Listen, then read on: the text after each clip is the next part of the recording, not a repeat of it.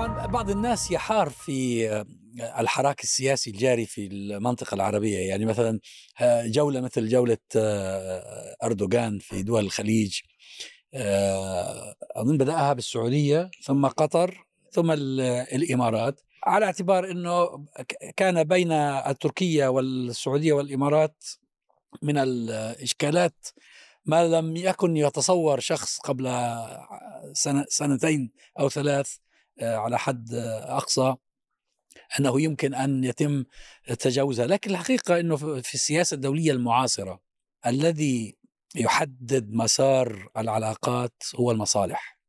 وليس الاتفاق على مبادئ معينة أو على قيم معينة. يمكن أن يظل الإنسان معتزا أو مؤمنا بحد أدنى من القيم. ولكن عندما تأتي بالعلاق ما يتعلق الأمر بالعلاقات ما بين الدول مصلحته هي التي تغلب. أنا متأكد كنا نتكلم قبل قليل عن الخصومة بين الإمارات والسعودية. أنا متأكد أن الخصومة العاطفية والنفسية والذهنية ما زالت قائمة بين جميع مكونات هذا الحراك السياسي. يعني ليس يسيرا محاولة الانقلاب على أردوغان في 2016 في 15 تموز 2016 ولا أظن أن أن أنه أمر يمكن أن يتناسى بسهولة. ليس لم يكن سهلا حصار قطر وما فرض عليها من عقوبات. ولكن في العلاقات الدولية أنت لك مصالح تريد أن تحافظ عليها وتريد أن تسيرها. وأنا أظن أن الإمارات والسعودية وقطر وتركيا وربما غيرها من الكيانات السياسية تتحرك باتجاه استعادة حالة من الاستقرار في المنطقة. هو أظن ما يحدث الآن هو نتيجة للمعارك بين قوسين التي حدثت خلال السنوات الماضية يعني تحديدا والجميع تضرر منها. من 2010 نعم الشيء غير الطبيعي برأيي هو حالة الاستقطاب التي برزت تحديدا منذ ربما عام 2013 إلى 2020 وبدأت أو 2021 ربما ثم بعد بدأت بعد ذلك بالتحلحل. لا أدري اتفاق العلا في بأي 21 ولا 20 ناس اتفاق ماذا؟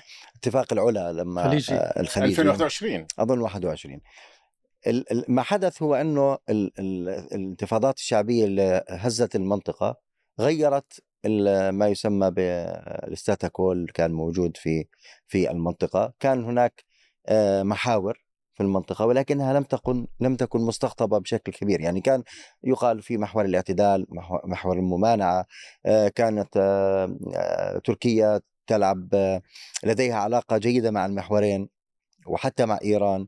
حتى برغم صفر, صفر مشاكل كانت آه حتى الخصومات مع إيران كانت موجودة ولكن أيضا كان لسه في علاقات دبلوماسية وإلى آخره. عندما حصل حصلت الانتفاضات الشعبية صار تغير ازداد التغير مع قيام الثورات المضادة بدعم الانقلاب على الرئيس مرسي منذ تلك اللحظة أصبح هناك استقطاب هائل في في المنطقة. أنا برأيي بأن الاستقطاب هو الذي كان آه، بما بما في ذلك حصار قطر بما في ذلك محاولة الانقلاب على انقلاب في تركيا بما في ذلك آه، الصراعات كلها اللي مقتل خاشقجي. اللي في مقتل خاشقجي طبعا آه، لكن في إطار العلاقات الدولية أعتقد بأنه كل الاستقطاب كان خطأ وكان لا يصب في مصلحه الآخرين. بمعنى إنه الغرب كان يستفيد من شركات اللوبي شراء الأسلحة تصارع المصالح بين دول المنطقة.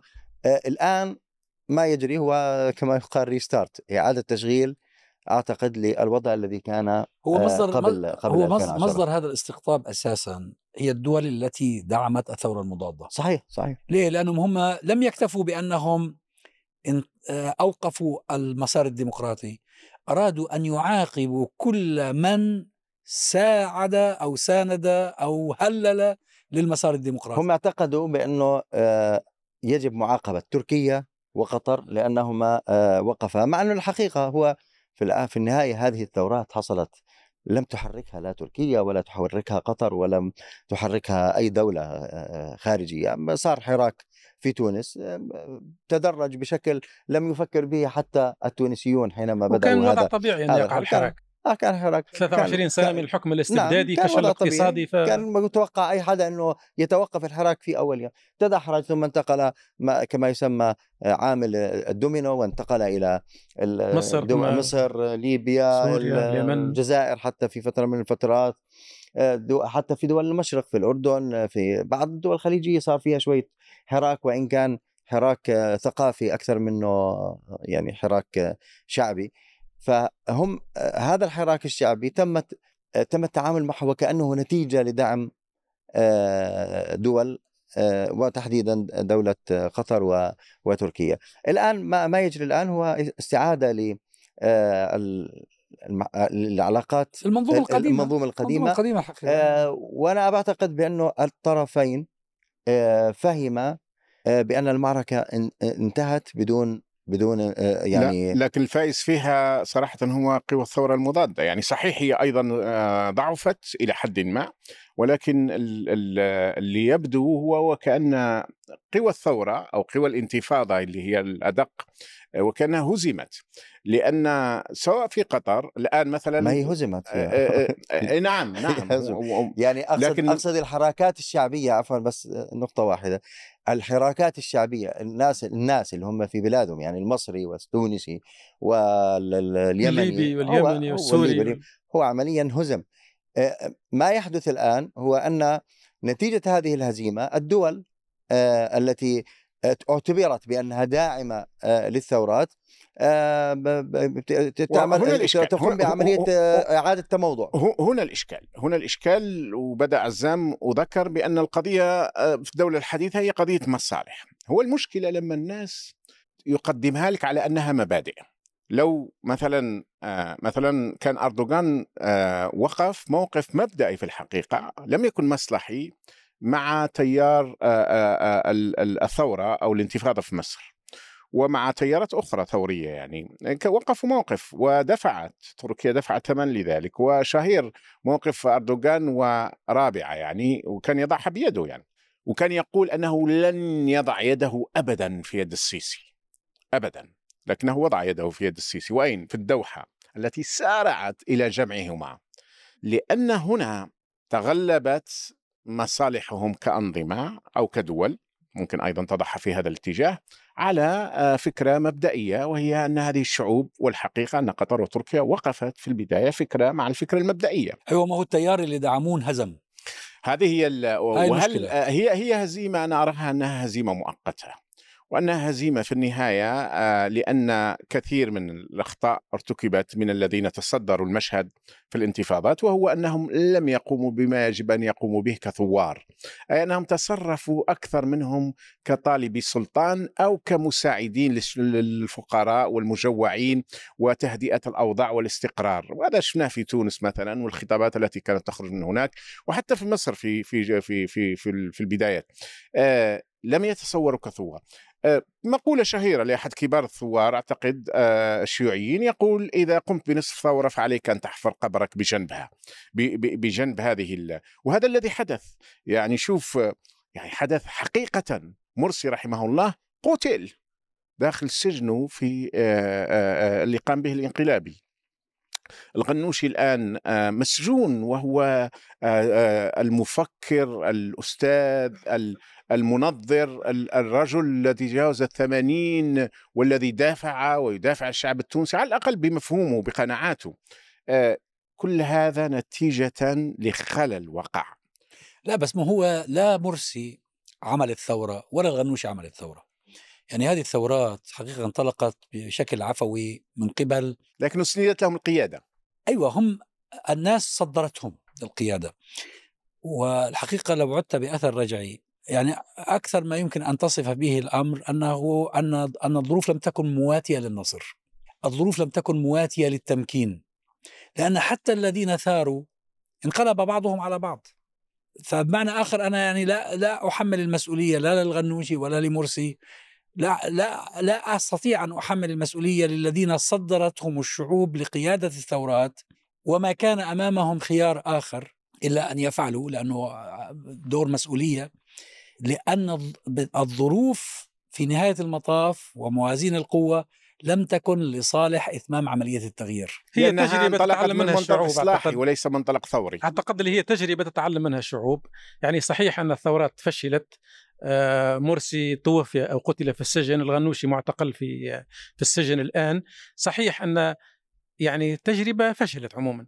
ولكن أعتقد أن هذه تجربة يعني الأجيال الجاية تستفيد منها دروس. يعني مثلا إذا أخذنا تركيا تركيا في السبعينات والثمانينات كم من انقلاب حصل على التجربة الديمقراطية تكررت الانقلابات يعني اخرها في 97 شو اسمه الانقلاب أبيض ضد أربكان, أربكان. أربكان.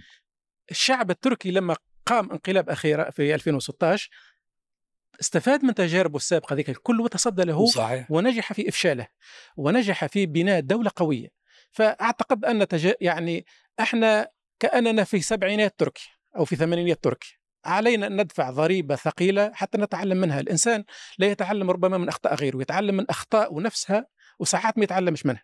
الأمر الثاني أنه في الموضوع هذا متاع انتصار الثورة وفشلها إحنا الخلاف اللي حاصل بين الإمارات والسعودية هو أحد النتائج غير المباشرة لفشل الثورات. انتصر طرف فصارت صراعاته بينه.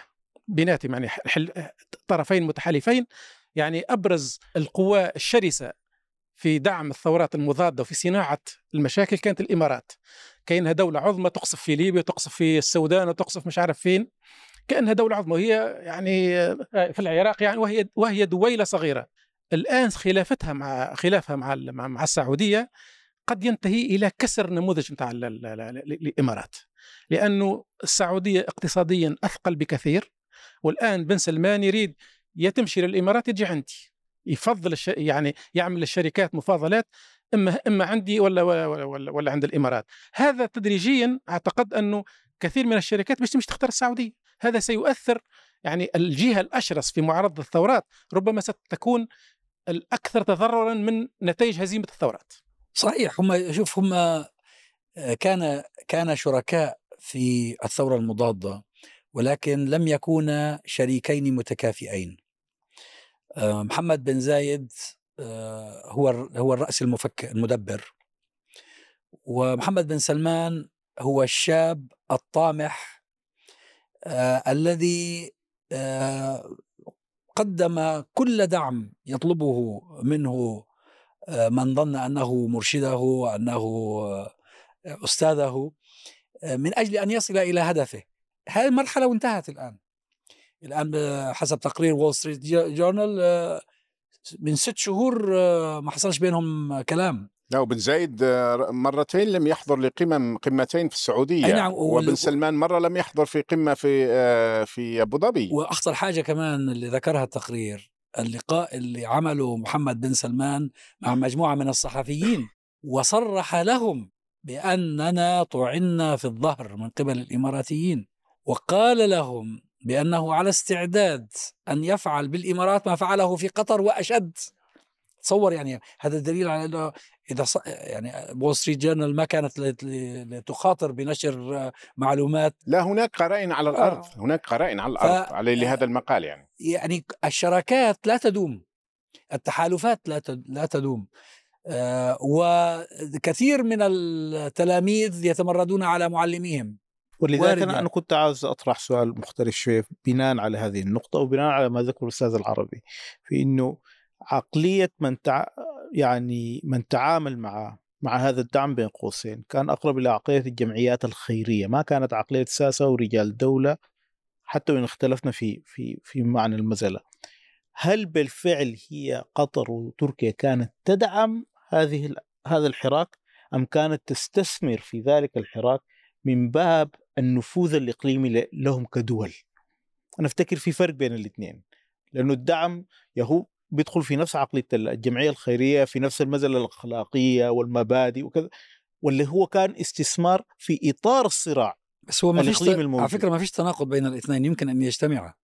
أنت لما تتوسم خيرا في تحول معين وتدعمه. وتستثمر فيه. أيضا تؤمل أنت أن يكون هذا لصالحك في المستقبل. يعني بالنسبة لتركيا وقطر كلاهما آه، أو صانع السياسة في آه، كليهما كان يرى بأن تحول المنطقة إلى منظومة ديمقراطية هو أفضل له.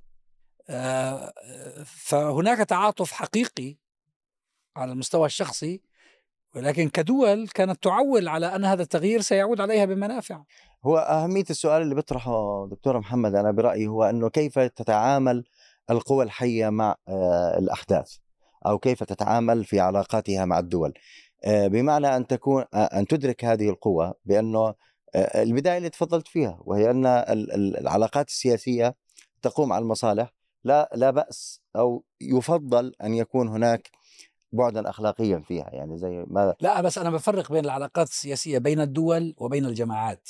مش بين الجماعات الجماعة دول الدول غير. آه بس الجماعة عندما تتعامل مع دول هي الآن دخلت في منطق الدولة. في منطق العلاقات صحيح. الدولية. صحيح. آه لكن لا تملك الجماعة ما تملكه الدولة من التخلي عن مبادئ مبادئ.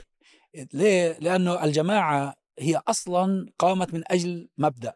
قامت من أجل قيمة. آه، إذا كان تراجعت عن هذا الأمر من أجل مكاسب سياسية سواء مضمونة أو متوهمة انتهى وجودها.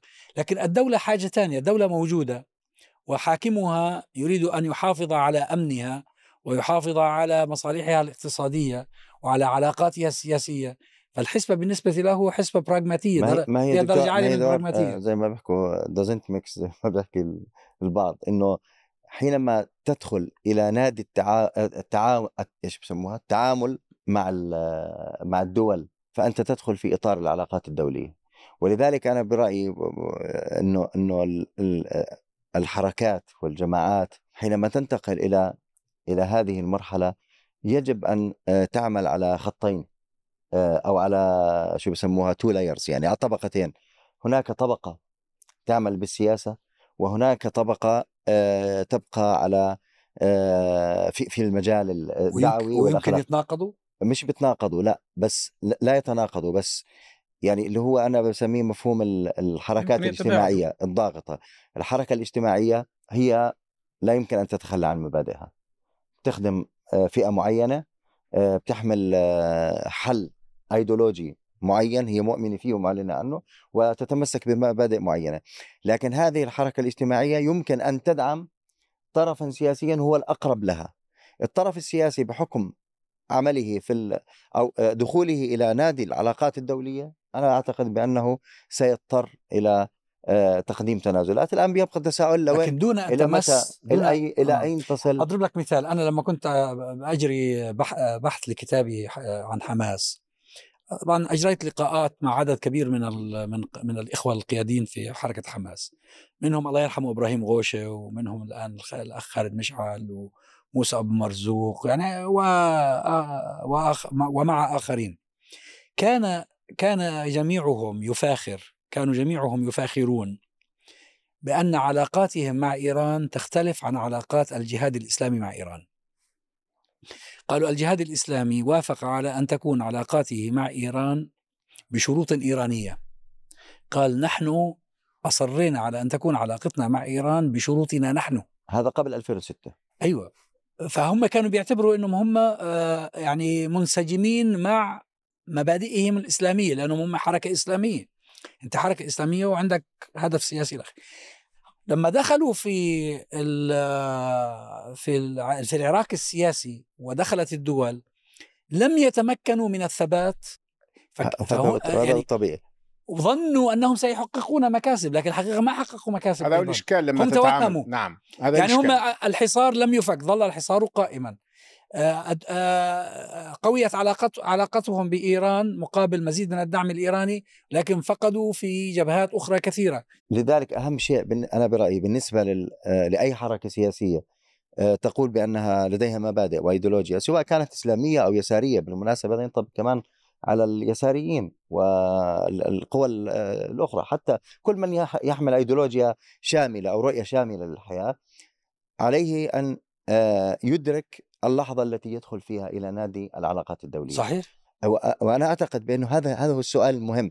لازم هو يتخذ قرار حتنازل ولا مش حتنازل؟ إذا دخل عليه أن يقرر هل أستطيع أن أدخل هذا المعترك اللي هو معترك العلاقات الدولية ولا لا. إذا دخل معترك العلاق- العلاقات الدولية لا يستطيع أن يقول كما آه، ذكرت أننا نحن لا نتنازل ولا إلى لا يستطيع. لا إذا يمكن دخل إذا دخل إذا دخل المعترك حسب العلاقات الدولية. حسب حسب حسب الرؤية. يعني هو الآن لما إيران آه، فرضت على حماس أن تصالح الأسد ويكون جزء من وفد يذهب هناك ليقبل الأعتاب.